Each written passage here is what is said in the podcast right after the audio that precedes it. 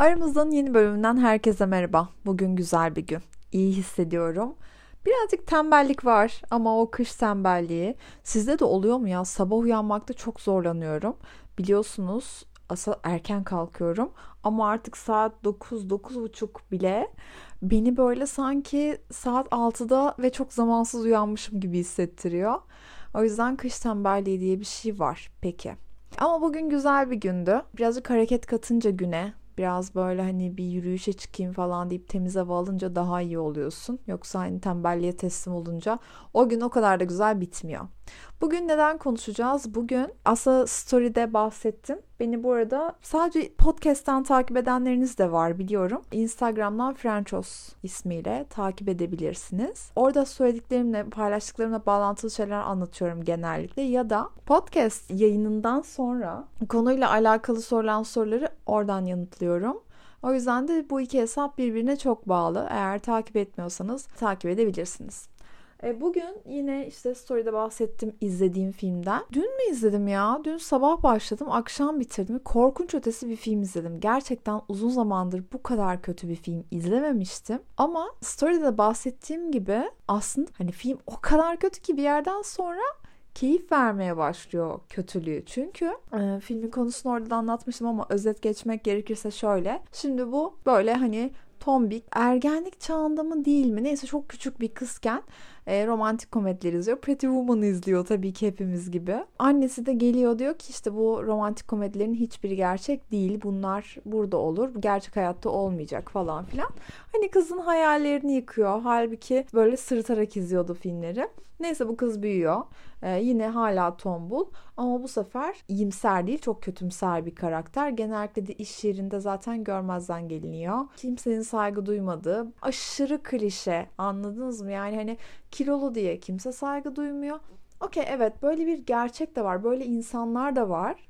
E, ama bu böyle yüzde yüz geçerli olan bir şey değil. Hiç bunlar yetmiyormuş gibi bir de kapkaçça uğruyor. Kapkaça uğradıktan sonra yere düşüyor adamla boğuşurken ve çat diye komaya giriyor. Komaya girdiği yerde de bir romantik komedinin içine giriyor. Romantik komedinin baş karakteri ama nasıl bir romantik komedi biliyor musunuz? Gerçekten hani en kötüsü. Yapımcısı, yönetmeni romantik komedi sevenlerle dalga geçmek için yapmış gibi. Hatta dayıya söyledim Burak'a. Dedim ki yani sanki sen yazmış yönetmişsin bu kadar kötü olamaz. Hani nefret ederim diye yapılmış gibi bir şey. Kız da zaten sahnenin birinde şey diyor. Bir romantik komedinin içindeyim. Üstelik 16 yaş üstü, 13 yaş üstü.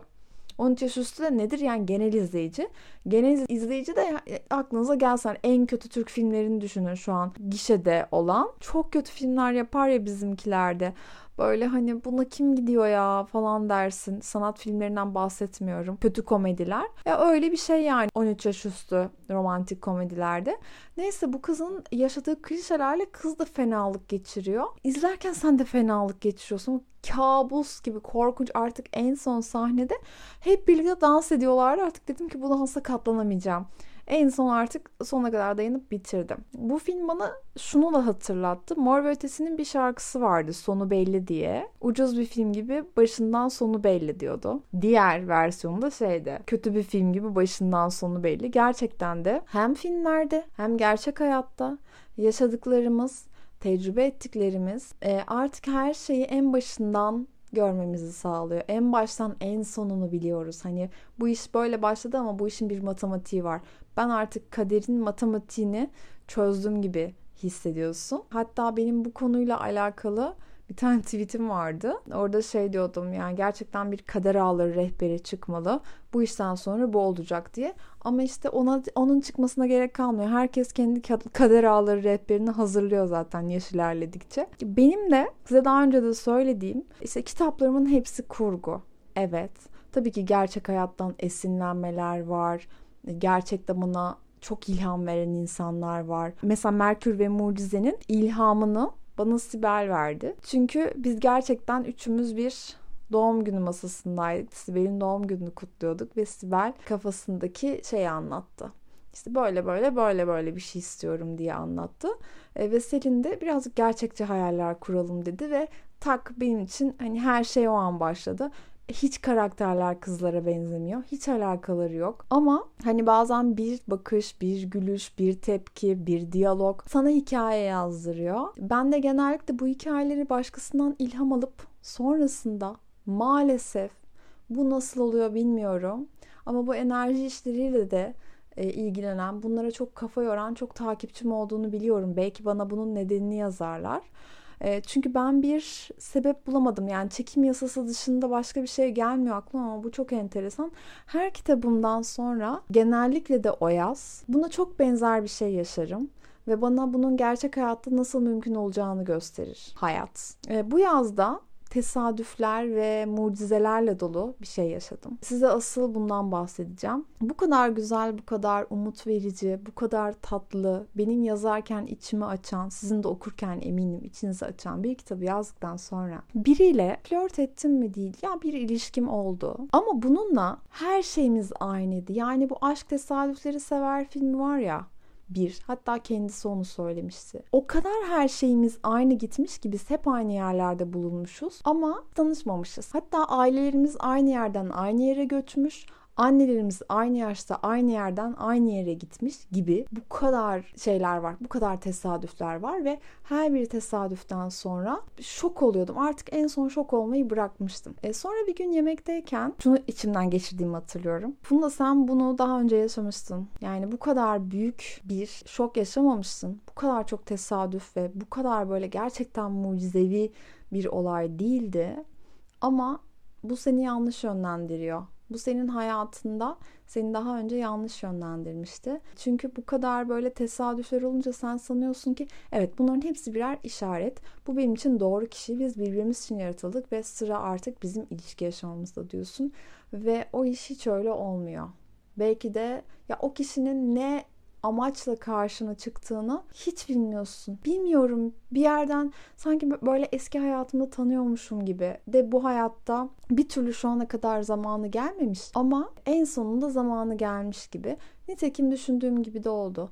Belki ben öyle düşünüp bu kötü sonu çektim. Ama sonu hiç hayal etmeyeceğiniz gibi oldu. Olmayacağını düşündük ve bitirdik.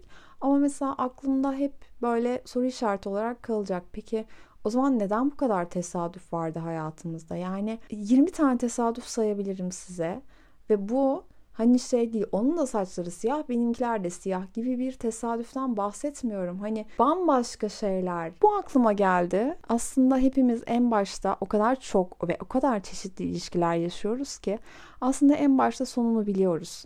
Yani bu ilişki şuraya götürüyor.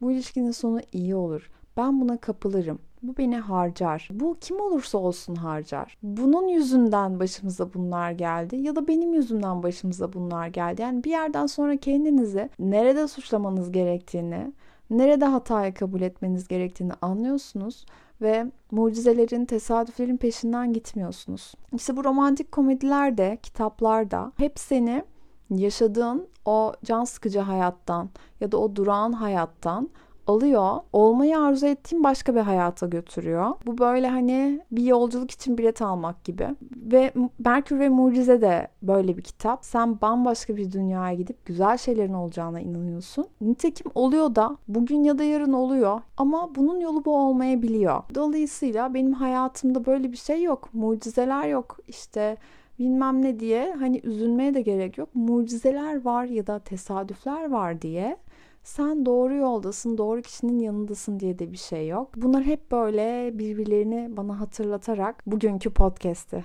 oluşturdular. Ee, size sorduğum soruların cevaplarını son postumun altına bekliyorum. Eğer bu konularla alakalı ilginiz ya da bir araştırmanız ya da deneyiminiz varsa son postumun altına yazarsanız çok sevinirim. Umarım bölümü beğenmişsinizdir. Hepinizi öpüyorum.